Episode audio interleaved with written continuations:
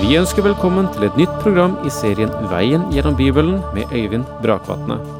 Denne studieserien er produsert av P7 Kristen Riksradio og bygger på serien Through the Bible av Vernon McGee. I dag fortsetter vi med profeten Mika.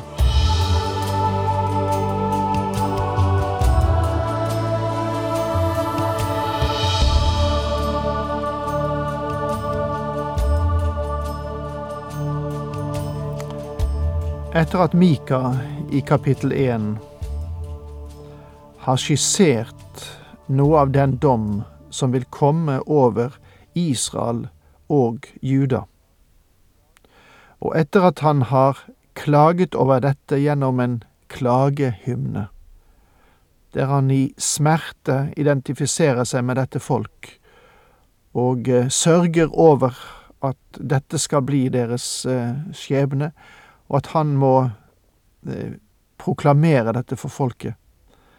Så går han tilbake og skildrer mer detaljert hva som er årsaken til at Gud møter folket med dom. Og vi befinner oss i eh, kapittel to og gjorde oss ferdig med det andre verset eh, sist. Og nå går vi videre i kapittelet og begynner med vers tre. Altså Mika 2, vers tre. Derfor sier Herren, jeg tenker ut en ulykke mot denne slekt. Den kan dere aldri fri dere fra. Dere skal ikke lenger gå stolte omkring, for dette blir en ond tid. Dette er et meget interessant vers.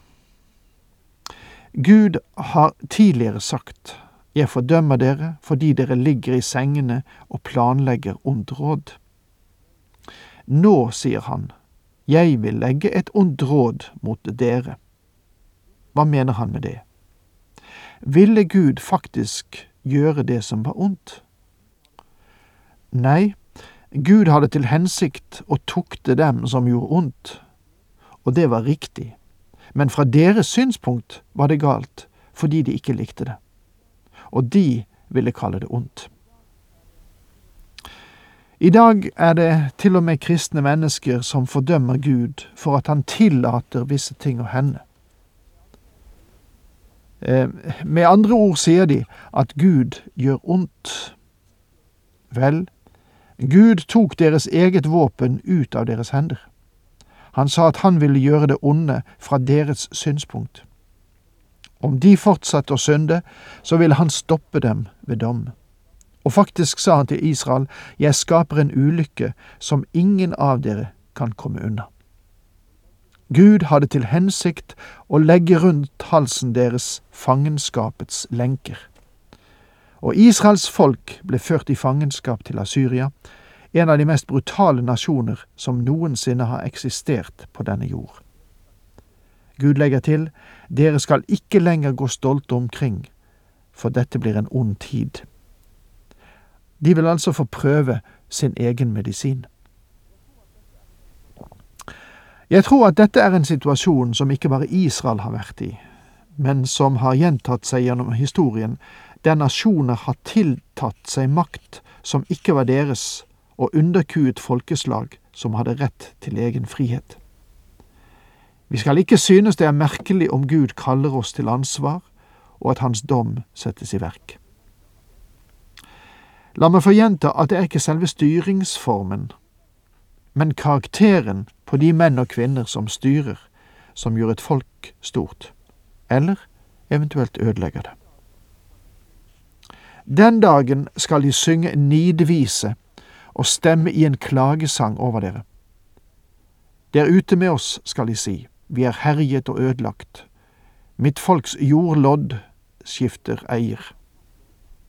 Å, han har tatt våre marker fra oss og delt dem ut til frafalne. En stor forvirring nærmer seg, og en klagesang. Og det er et meget uvanlig uttrykk på hebraisk.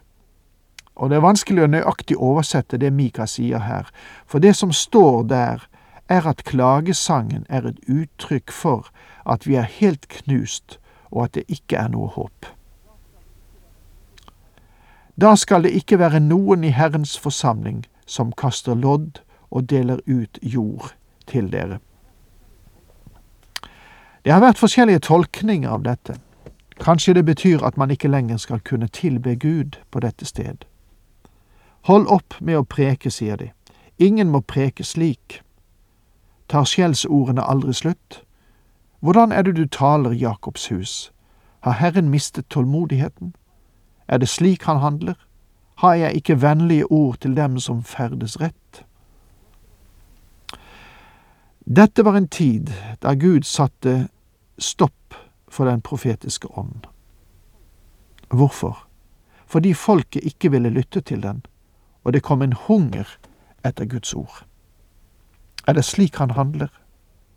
Gud hadde sagt til dem at han også hadde noe i beredskap for dem som de ville oppfatte som noe ondt.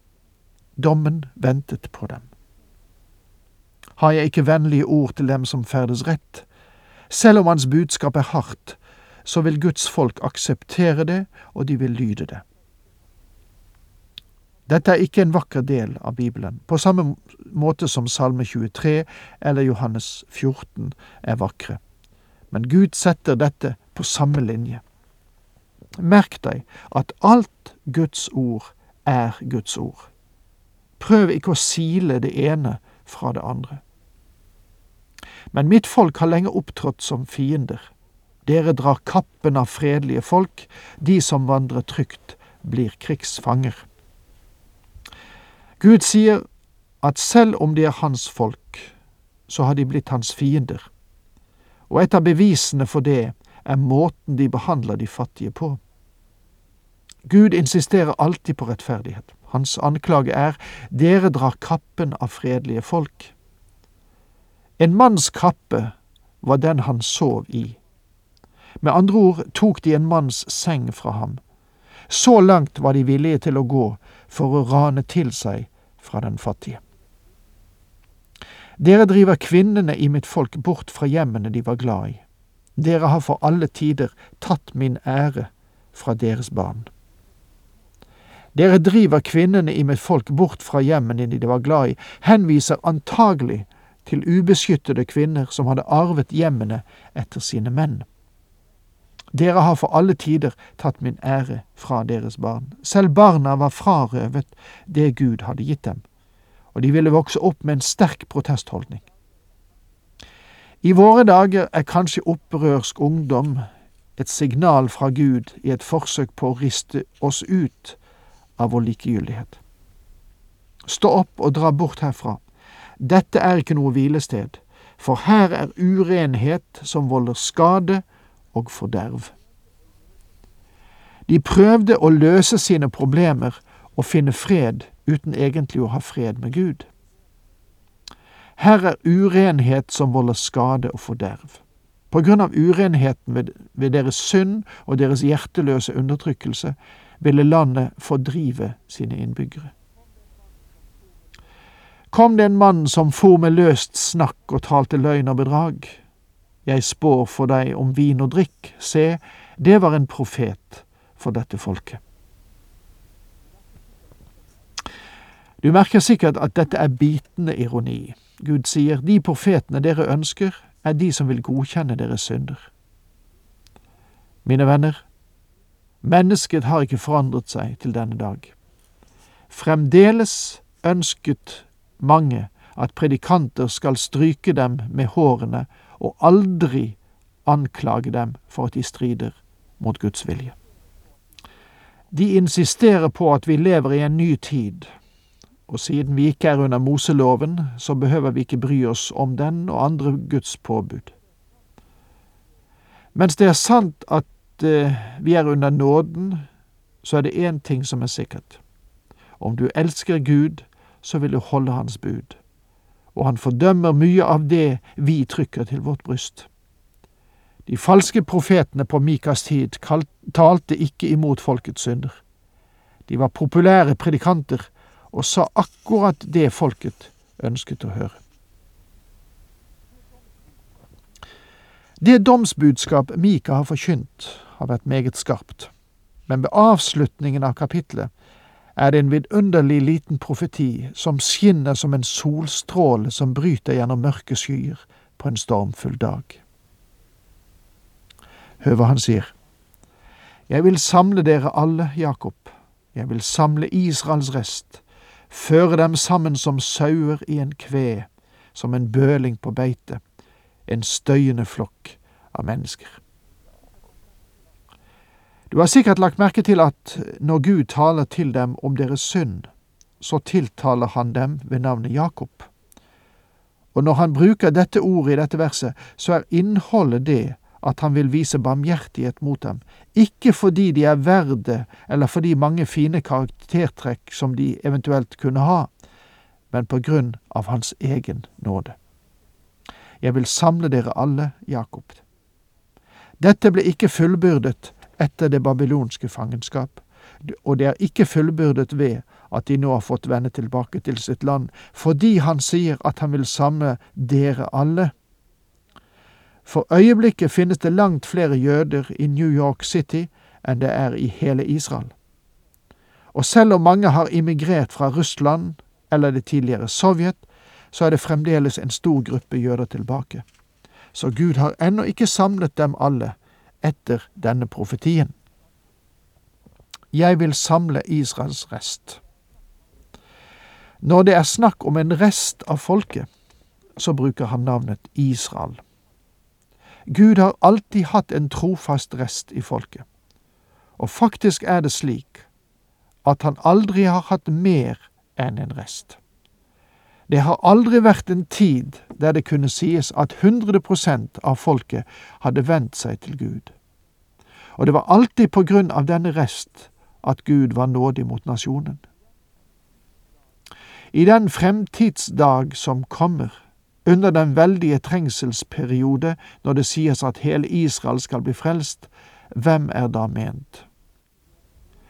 Vel, det er hele det Israel som tilhører de 144 000.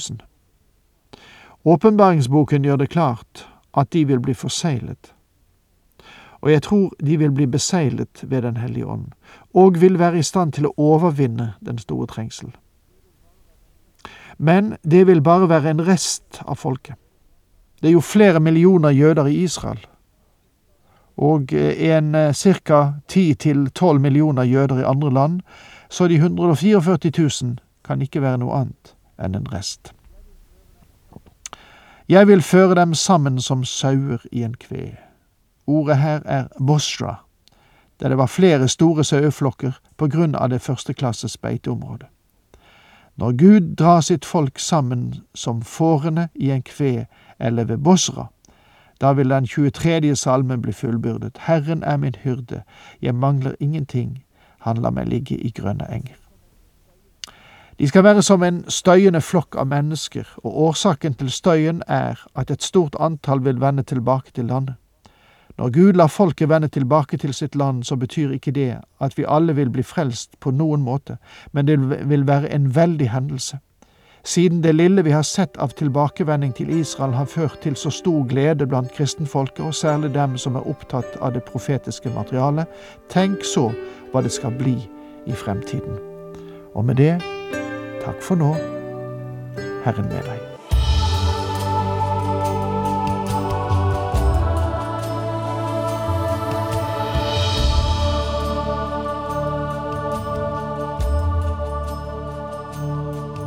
Du hørte Øyvind Brakvatne i studieserien Veien gjennom Bibelen.